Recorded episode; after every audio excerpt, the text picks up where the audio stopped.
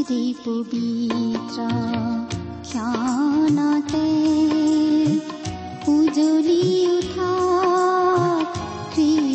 জ্যোতি নমস্কাৰ আমাৰ ত্ৰাণকৰ্তা মহান প্ৰভু যীশুৰ নামত আপোনাক এই ভক্তিবচন অনুষ্ঠানলৈ স্বাগতম জনাইছো।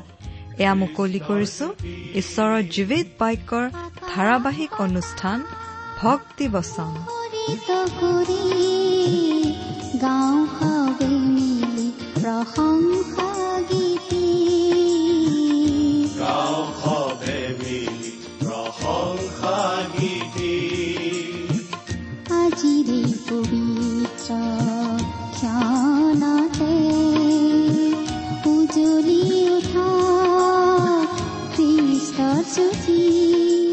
আপোনাৰ জীৱনত যদি শান্তি পাব বিচাৰে তেন্তে এয়া ঈশ্বৰৰ বাক্যৰ সান্তনা বাক্য ভক্তি বচন।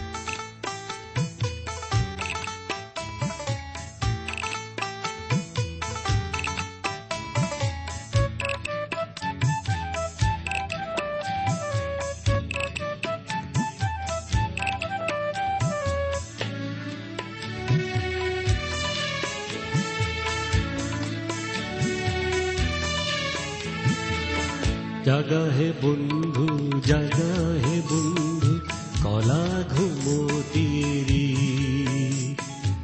শুই থাকোঁতেই বেলি লহিয়াই আৰু নকৰা দেৰি জাগা হে বন্ধু জাগা হে বন্ধু কলা ঘুমতিৰি শুই থাকোঁতেই বেলি লহিয়াই আৰু নকৰা দেৰি পুনাহে আজি শুভ বাতৰি হৃদয় শান্ত কৰা সৰগৰ দুৱাৰ হ'ল মুকলি দুনয়ন ভৰি পুনাহে আজি শুভ বাতৰি হৃদয় শান্ত কৰা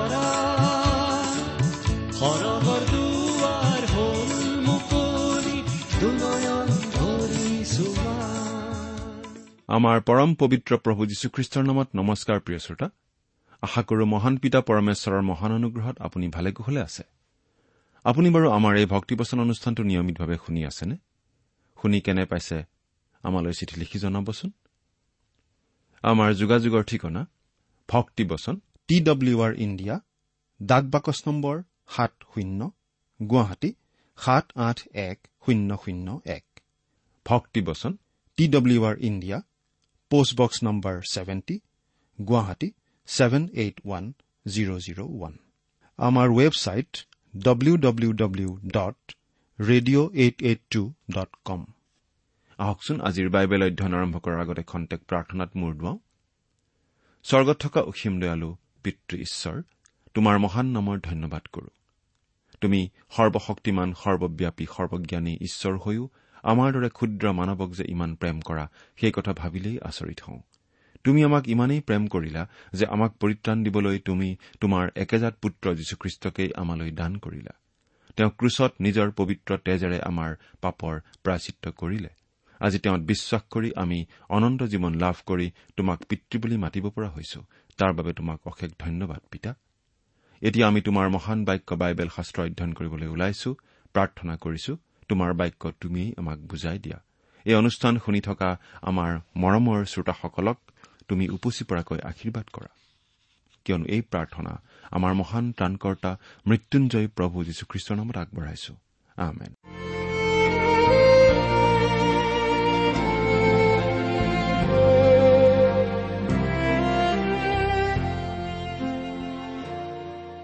প্ৰিয় শ্ৰোতা আমি আজি কিছুদিন ধৰি বাইবেলৰ নতুন নিয়ম খণ্ডৰ ইব্ৰীবিলাকৰ প্ৰতি পত্ৰ নামৰ পুস্তকখন অধ্যয়ন কৰি আছো।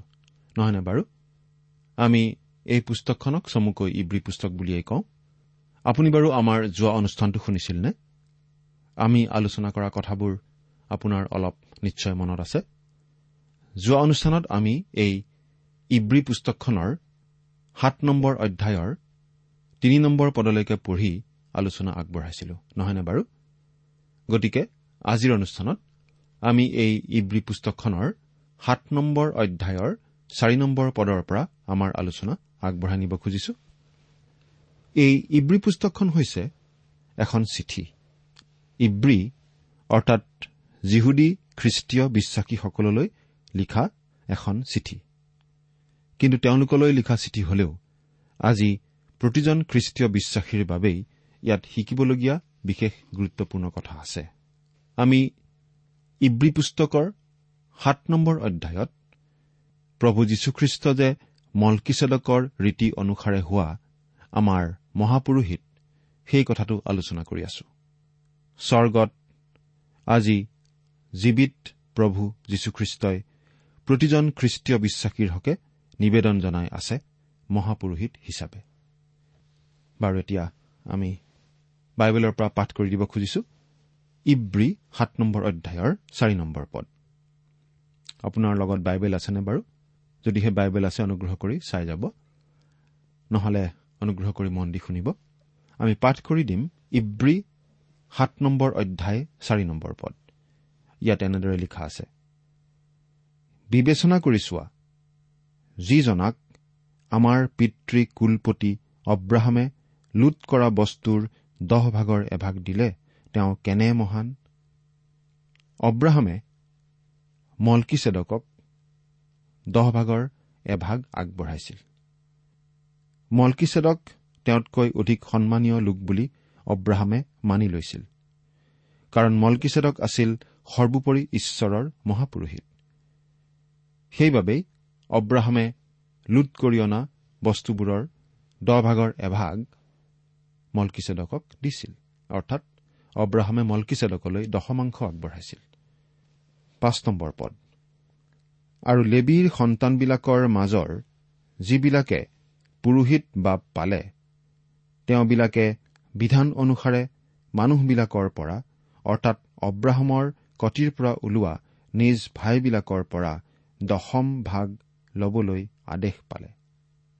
এইটো মন কৰিবলগীয়া কথা যে অব্ৰাহামৰ সেই কাৰ্যৰ যোগেদি আচলতে লেবীৰ সন্তানসকলেও মলকিছেদকক দশমাংশ আগবঢ়োৱা যেন হৈছিল। কিয়নো অব্ৰাহামৰ বংশতেই পাছলৈ সেই লেবী আৰু লেবীৰ সন্তান অৰ্থাৎ পুৰোহিতসকলৰ জন্ম হৈছিল। গতিকে এই কথাটোৰ পৰা এইটো প্ৰকাশ পাইছে যে মলকিছেদক হাৰুণ আৰু তেওঁৰ পৰিয়ালৰ লোকসকলতকৈ শ্ৰেষ্ঠ আছিল। প্ৰিয় শ্ৰোতা যীশুখ্ৰীষ্ট যে আপোনাৰ প্ৰভু এই কথাটো আপুনি স্বীকাৰ কৰাৰ এটা উপায় হৈছে তেওঁৰ ওচৰলৈ আহি তেওঁলৈ এটা উপহাৰ আগবঢ়োৱাৰ দ্বাৰা। আমি আগবঢ়োৱা প্ৰতিটো দান আৰু উপহাৰ আমি কেৱল কোনো এটা গীৰ্জা বা কোনো এটা বিশেষ পৰিচৰ্যালৈ দিয়া দান বা উপহাৰ বুলি মাত্ৰ ভাবিব নালাগে। সেই দান বা উপহাৰ হ'ব লাগিব প্ৰভু যীশুলৈ আগবঢ়োৱা দান বা উপহাৰ। যেতিয়া আপুনি প্ৰভু যীশুলৈ কিবা এটা দান বা উপহাৰ আগবঢ়ায় তেতিয়া তেওঁৰ প্ৰভুত্ব আপুনি মানি লোৱা হয় আৰু আপুনি এজন পুৰোহিতৰ নিচিনাকৈ পৰিচৰ্যা আগবঢ়োৱাৰ নিচিনা হয়। এতিয়া ছয় নম্বৰ পদটো পঢ়ি দিম। ইব্ৰী সাত নম্বৰ অধ্যায়ৰ ছয় নম্বৰ পদটো। কিন্তু যিজনৰ বংশাৱলী তেওঁবিলাকৰ মাজৰ পৰা গণিত হোৱা নাই সেইজনে অব্ৰাহামৰ পৰা দশমভাগ লৈ প্ৰতিজ্ঞাবোৰৰ অধিকাৰীকেই আশীৰ্বাদ কৰিছিল। আপুনি হয়তো ভাবিব পাৰে যে অব্ৰাহাম মলকিছেদকতকৈ শ্ৰেষ্ঠ। কিন্তু আচলতে অব্ৰাহাম মলকিছেদকতকৈ শ্ৰেষ্ঠ নহয় বুলি ইয়াত আমাক জনাই দিয়া হৈছে। মলকিছেদক আছিল এজন অনাজিহুদী লোক অৰ্থাৎ পৰজাতীয় লোক আৰু তেওঁ আছিল সৰ্বোপৰি ঈশ্বৰৰ পুৰোহিত। তেওঁনো ঈশ্বৰৰ বিষয়ে কথাবোৰ ক'ৰ পৰা শিকিলে আমি সেই কথা নাজানো। সেই ব্যক্তিজনৰ পটভূমিৰ কথাও আমি একো নাজানো। কোনোবাই যদি আপোনাক মলকিছেদকৰ বিষয়ে আৰু অধিক কিবা কথা কয় তেনেহলে আপুনি জানিব লাগিব যে তেওঁ সেইখিনি অনুমান কৰিহে নাইবা কল্পনা কৰিহে কৈছে। কাৰণ তাতকৈ বেছি কথা আমাক ঈশ্বৰৰ বাক্যত জনাই দিয়া হোৱা নাই। একেদৰে। প্ৰভু যীশুখ্ৰীষ্টৰ বিষয়ে বহু কিবা কিবি কথা আছে যিবোৰ কথা আমি বুজাই দিব নোৱাৰো কাৰণ তেওঁ ঈশ্বৰ। কিন্তু আমি এটা কথা হলে খাটাংকৈ জানো যে আমাৰ প্ৰভু যীশুখ্ৰীষ্ট হৈছে আমাৰ মহাপুৰুষিত আৰু সেই কথাটোৱেই আজি আমি খুব ভালদৰে জনা উচিত। এতিয়া আমি সাত নম্বৰ পদটো পঢ়ি দিম। আৰু সৰু লোকে বৰৰ পৰাহে আশীৰ্বাদ পোৱা হয়। ইয়াত সংশয় নাই। অব্ৰাহামক মলকিছেদকে আশীৰ্বাদ কৰিছিল কাৰণ মলকিছেদক অব্ৰাহামতকৈ শ্ৰেষ্ঠ আছিল। যেতিয়া আমি প্ৰভু যীশুৰ আগত স্তুতি উপাসনা আগবঢ়াওঁ আৰু প্ৰভু যীশুৰ আগত আঁঠু লওঁ আমি তেওঁৰ শ্ৰেষ্ঠতা মানি লোৱাৰ নিচিনা হয়। আঠ নম্বৰ পদ আৰু ইটোত হলে যিবিলাকে দশম ভাগ পায় তেওঁবিলাক মৃত্যুৰ অধীন মানুহ। কিন্তু সিটোত যিজনে দশম ভাগৰ এভাগ পায় তেওঁ জীয়াই আছে বুলি সাক্ষ্য পোৱা গৈছে। মৃত্যুৰ অধীন মানুহ মানে বাৰু কাক বুজোৱা হৈছে? লেবিয়া পুৰোহিতসকলক বুজোৱা হৈছে। কিন্তু সিটোত বুলি কওঁতে মলকিছেদকৰ কথা কোৱা হৈছে। প্ৰিয় শ্ৰোতা আপুনি প্ৰভু যীশুৰ ওচৰত নিজকে আগবঢ়াব পাৰে আৰু তেওঁ আপোনাক গ্ৰহণ কৰিব। আজি যদি মই নিজকে যীশুৰ হাতত সোধাই দিওঁ যীশুৰ আচলতে একো লাভ নহয় কাৰণ মোৰ একো মূল্যই নাই। কিন্তু মোৰ নিচিনা মানুহক যে তেওঁ আনন্দেৰে গ্ৰহণ কৰে সেইবাবে তেওঁক শত সহস্ৰ ধন্যবাদ। এতিয়া ন আৰু দহ নম্বৰ পদ দুটা পঢ়ি দিছো। আৰু দহ ভাগৰ এভাগ পোৱা যি লেবি তেওঁ নিজেই অব্ৰাহামৰ দ্বাৰাই দহ ভাগৰ এভাগ দিলে ইয়াকো কলে কব পাৰি। কিয়নো মলকি চেদকে যেতিয়া তেওঁৰ পিতৃক লগ পালে তেতিয়া লেবি তেওঁৰ ভিতৰতে আছিল। দহ ভাগৰ এভাগ পোৱা যি লেবি তেওঁ নিজেই অব্ৰাহামৰ দ্বাৰাই দহ ভাগৰ এভাগ দিলে। এই কথাটো বুজি পাবলৈ হলে আমি অলপ দকৈ চিন্তা কৰিব লাগিব। লেবীৰ বংশৰ লোকসকল অৰ্থাৎ লেবিয়া পুৰোহিত সকলোবিলাক অব্ৰাহামৰেই বংশ। গতিকে যেতিয়া অব্ৰাহামে মলকিছেদকক দহ ভাগৰ এভাগ আগবঢ়াইছিল তেতিয়া লেবিয়া পুৰোহিতসকলেও মলকিছেদকক সেই দশমাংশ আগবঢ়োৱা যেন হৈছিল। কাৰণ সেই সময়ত তেওঁবিলাকৰ জন্মই হোৱা নাছিল। সেই সময়ত তেওঁলোক অব্ৰাহামৰ ভিতৰতেই আছিল। তেওঁলোকৰ জন্ম তাতকৈ বহু পাছতহে হৈছিল। গতিকে অব্ৰাহামৰ ভিতৰতে থাকি তেওঁলোকে মলকি চেদকক সেই দশমাংশ আগবঢ়োৱাৰ নিচিনা হৈছিল।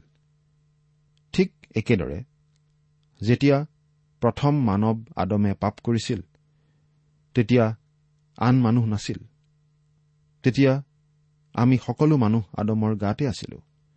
গতিকে আমিও আদমৰ লগতেই পাপ কৰিছিলো। আদমত সকলোৰে মৃত্যু হল আম্মিক মৃত্যু। লগতে শাৰীৰিক মৃত্যু আহিল। যদিহে প্ৰভু যীশু অহাত পলম কৰে তেনেহলে আমি শাৰীৰিকভাৱে মৃত্যুমুখত পৰিম কাৰণ আমি আদমৰ পৰা উৎপত্তি হলো। গতিকে আমি আদমতেই আছিলো। গতিকে আমি আদমত থাকি পাপ কৰিছিলো আদমৰ লগতে। অৱশ্যে আজি মই সিদ্ধ কাৰণ মই আদমত নহয় খ্ৰীষ্টত আছো। সেই কথাটো বাৰু আপুনি উপলব্ধি কৰেনে? ঈশ্বৰে মোক আদমত নহয় এতিয়া খ্ৰীষ্টতহে দেখে আৰু খ্ৰীষ্টত মই সিদ্ধ। সেই প্ৰিয়জনাত এতিয়া মই ঈশ্বৰৰ আগত গ্ৰহণীয় হলো। প্ৰিয় শ্ৰোতা এইটো এটা মহান সত্য। বাইবেলত এই মহান সত্যটো আমাক অতি সহজ সৰল ভাষাত বুজাই দিয়া হৈছে। এঘাৰ নম্বৰ পদ। এতেকে সেই লেবিয়া পৌৰহিত্যৰ দ্বাৰাই সম্পূৰ্ণতা হোৱা হলে কিয়নো তাৰ সম্পৰ্কে মানুহবিলাকে বিধান পালে। হাৰুণৰ ৰীতি অনুসাৰে গণিত নহৈ মলকিছেদকৰ ৰীতি অনুসাৰে আন ৰকম পুৰোহিত উৎপন্ন হবৰ আৰু কি প্ৰয়োজন? আন কথাত কবলৈ গ'লে যিবোৰ বস্তু বা ৰীতি নীতিয়ে হাৰুণীয় পৌৰহিত্যক প্ৰতিনিধিত্ব কৰিছিল সেইবোৰ অসম্পূৰ্ণ আছিল। সেইবোৰে কেতিয়াও সিদ্ধতা আনিব পৰা নাছিল। কেতিয়াও ঈশ্বৰৰ সৈতে সম্পূৰ্ণ ধৰণৰ সম্বন্ধ গঢ়িব পৰা নাছিল। সেইবোৰে মানুহক কেতিয়াও মুক্তি দিব পৰা নাছিল। আৰু ঈশ্বৰৰ আগত মানুহক সেইবোৰে কেতিয়াও গ্ৰহণীয় কৰি তুলিব পৰা নাছিল। সেইবোৰে কেতিয়াও লক্ষ্যত উপনীত কৰিব পৰা নাছিল। যি উদ্দেশ্যত সেইবোৰ পালন কৰা হৈছিল সেই উদ্দেশ্য কেতিয়াও সফল হোৱা নাছিল। সেইবাবেই আমাক খ্ৰীষ্টৰ প্ৰয়োজন। খ্ৰীষ্টক সেইবাবেই আমালৈ পঠোৱা হ'ল যাতে আমি মুক্তি পাব পাৰোঁ। বাৰ নম্বৰ পদ কিয়নো পৌৰোহিত্য সলনি হোৱাত বিধানো সলনি হোৱা আৱশ্যক। আমি মুচিৰ বিধানৰ অধীন নহয়। মুচিৰ বিধানবোৰ আছিল হাৰুণৰ পৌৰোহিত্যৰ বাবেহে য'ত তেওঁলোকে বলিৰ তেজ আগবঢ়াব লাগিছিল। মুচিৰ বিধান আৰু হাৰুণীয় পৌৰোহিত্য পৰস্পৰৰ অবিচ্ছেদ্য অংগ বুলি আমি ক'ব পাৰোঁ। এতিয়া তেৰ আৰু চৈধ্য নম্বৰ পদ দুটা পাঠ কৰি দিম। কাৰণ যিজনৰ বিষয়ে কোৱা গৈছে তেওঁ অন্য ফৈদৰ। সেই ফৈদৰ মাজৰ কোনেও যজ্ঞবেদীৰ কৰ্ম কৰা নাই। কিয়নো আমাৰ প্ৰভু যে যীহুদা ফৈদৰ পৰা উৎপন্ন হয় এইয়ে সুস্পষ্ট। কিন্তু সেই ফৈদৰ কথাত মুচিয়ে পুৰোহিতসকলৰ বিষয়ে একো কোৱা নাই।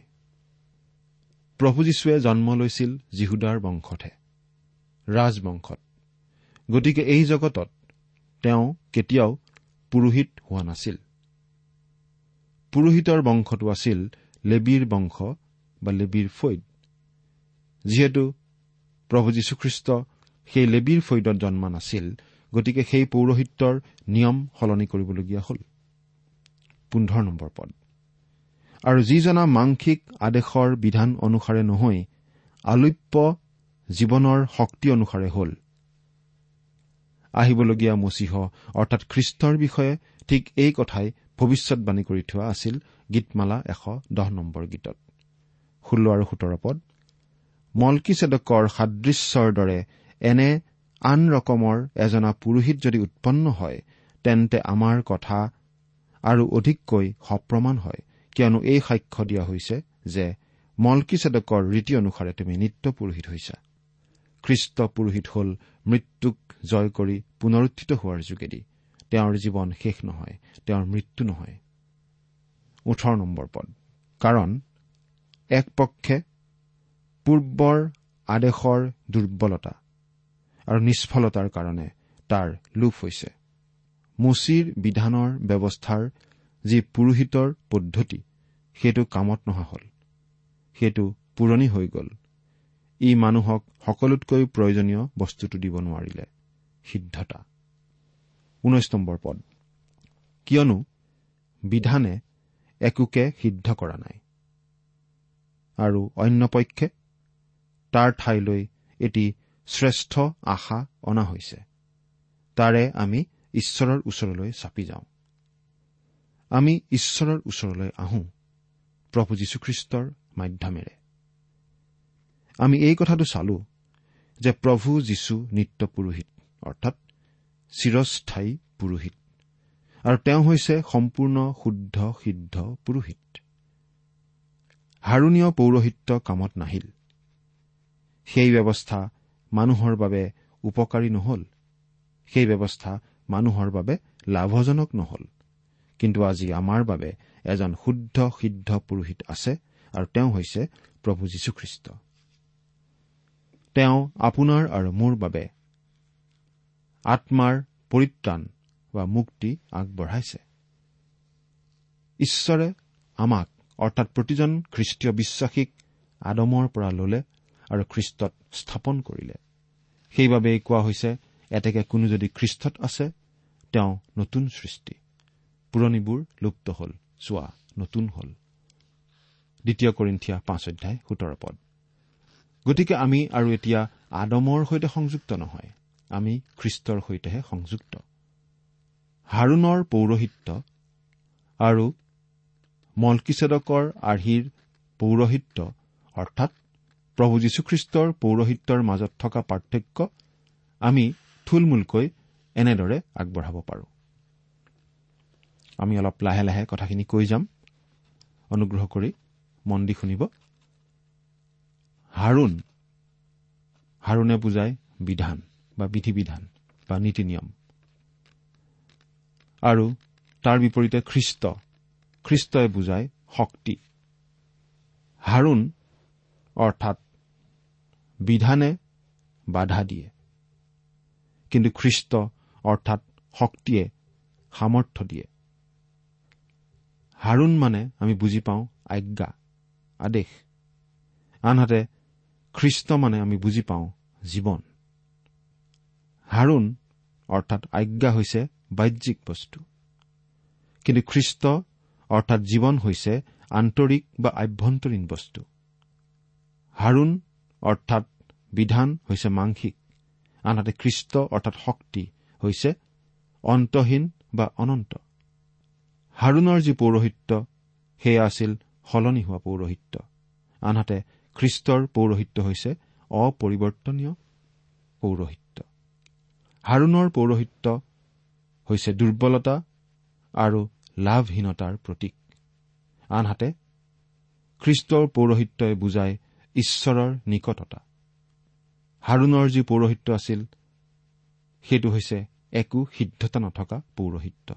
আনহাতে খ্ৰীষ্টৰ পৌৰোহিত্য হৈছে উত্তম আশা। খ্ৰীষ্টৰ সেই মহান পৌৰোহিত্য আপুনি বাৰু আঁকোৱালি লৈছেনে? এতিয়া আমি আকৌ পাঠ কৰিম। ইব্ৰী সাত নম্বৰ অধ্যায়ৰ বিছ আৰু একৈশ নম্বৰ পদ। আৰু যি স্থলত যীশুৰ পৌৰোহিত্য প্ৰভুৱে শপত নোখোৱাকৈ নহল কিয়নো তেওঁবিলাকে হলে প্ৰভুৱে শপত নোখোৱাকৈ পুৰোহিত হৈ উঠিল কিন্তু প্ৰভুৱে শপত খালে আৰু খেদ নকৰিব তুমি নিত্য পুৰোহিত এইবুলি যিজনাই তেওঁক কলে তেওঁৰেই দ্বাৰাই যীশু শপতেৰে সৈতে পুৰোহিত হল। গীতমালাৰ এশ দহ নম্বৰ গীতত এটা ভৱিষ্যৎবাণী কৰি থোৱা আছিল যে আহিবলগীয়া মচীহ অৰ্থাৎ খ্ৰীষ্ট যে মলকিছেদকৰ আৰ্হিৰ এজন পুৰোহিত। সেই পদটো আমি পাঠ কৰি দিব খুজিছো। গীতমালা এশ দহ নম্বৰ গীতৰ চাৰি নম্বৰ পদ। জিহুৱাই এই শপত কৰিলে তাৰ পৰা তেওঁ আৰু নুঘূৰিব। তুমি মলকিছেদকৰ ৰীতি অনুসাৰে নিত্য পুৰোহিত হোৱা। খ্ৰীষ্টৰ এই পৌৰোহিত্য আন সকলো পৌৰোহিত্যতকৈ কিয় শ্ৰেষ্ঠ বাৰু? তাৰ এটা গুৰুত্বপূৰ্ণ কাৰণ এইয়ে যে খ্ৰীষ্টৰ এই পৌৰোহিত্যৰ কথাটো ঈশ্বৰৰ বাক্যৰ ওপৰতো আধাৰিত। কিন্তু লগতে এইটো ঈশ্বৰৰ এটা প্ৰতিজ্ঞাৰ ওপৰতো প্ৰতিষ্ঠিত। আনহাতে পুৰণি নিয়মত আমি লেবিয়া পৌৰোহিত্যৰ বিষয়ে কেৱল এই কথাটোৱেই পাওঁ যে তেওঁলোকক ঈশ্বৰৰ মন্দিৰৰ পৰিচৰ্যাৰ বাবে বিশেষভাৱে নিযুক্ত মাত্ৰ কৰা হৈছিল। কিন্তু তেওঁলোকৰ বিষয়ে ঈশ্বৰে কোনো প্ৰতিজ্ঞা কৰা নাছিল। কোনো শপত খোৱা নাছিল। প্ৰভু যীশুখ্ৰীষ্টৰ বিষয়ে কিন্তু ঈশ্বৰে শপত খাইছিল। প্ৰভু যীশুখ্ৰীষ্ট মলকিছেদকৰ আৰ্হিৰ মহাপুৰোহিত হ'ব বুলি ঈশ্বৰে শপত খাইছিল। সেইবাবেই প্ৰভু যীশুখ্ৰীষ্টৰ পৌৰোহিত্য সেই লেবিয়াসকলৰ বা হাৰুণৰ পৌৰোহিত্যতকৈ শ্ৰেষ্ঠ। এতিয়া আমি বাইশ নম্বৰ পদটো পঢ়ি দিছো। এনেস্থলত যীশু শ্ৰেষ্ঠ নিয়মৰ জামিন হল। শ্ৰেষ্ঠ নিয়মৰ জামিন।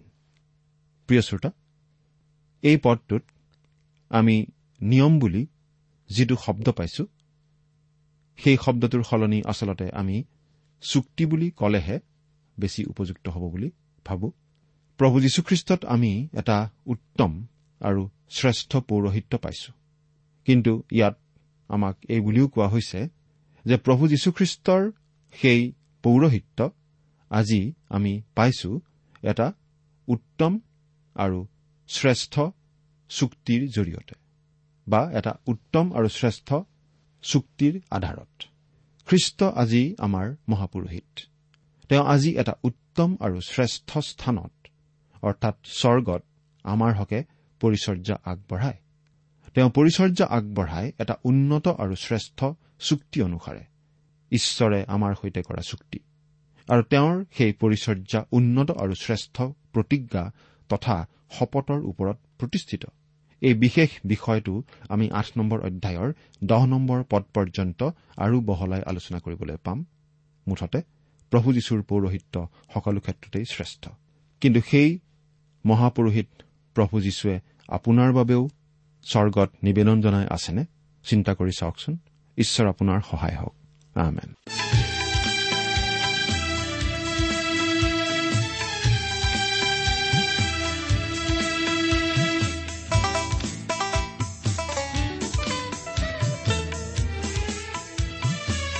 যিশুৱে মাতে আহা কাষৰে ভয় শংকা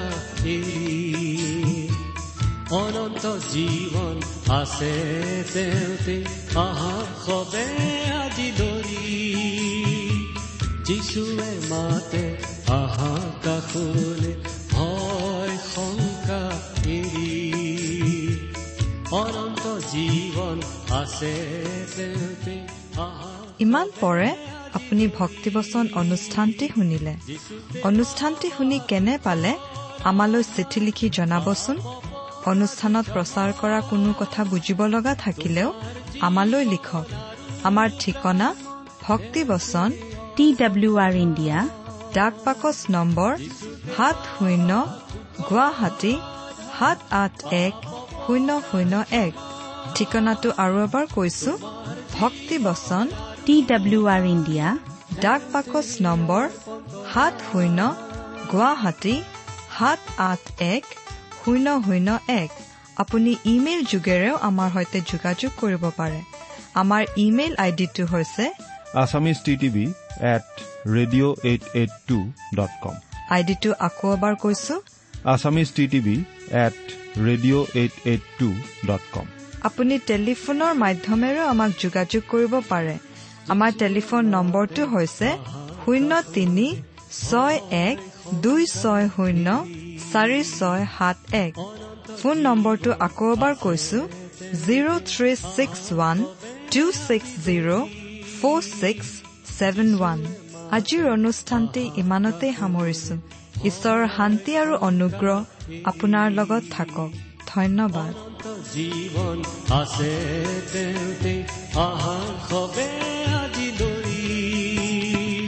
যিচুতে পাবা সুখৰ আধাৰ পাপ অপৰাধ ক্ষমা। তোমাৰ জীৱন আৰু প্ৰাণ অৰ্পণ কৰা। যিচুতে পাবা সুখৰ আধাৰ পাপ অপৰাধ ক্ষমা। তোমাৰ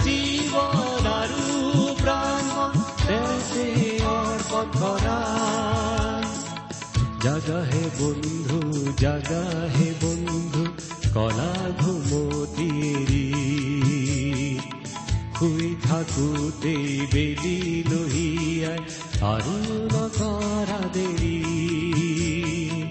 জাগাহে বন্ধু জাগাহে বন্ধু কলা ঘুমতিৰি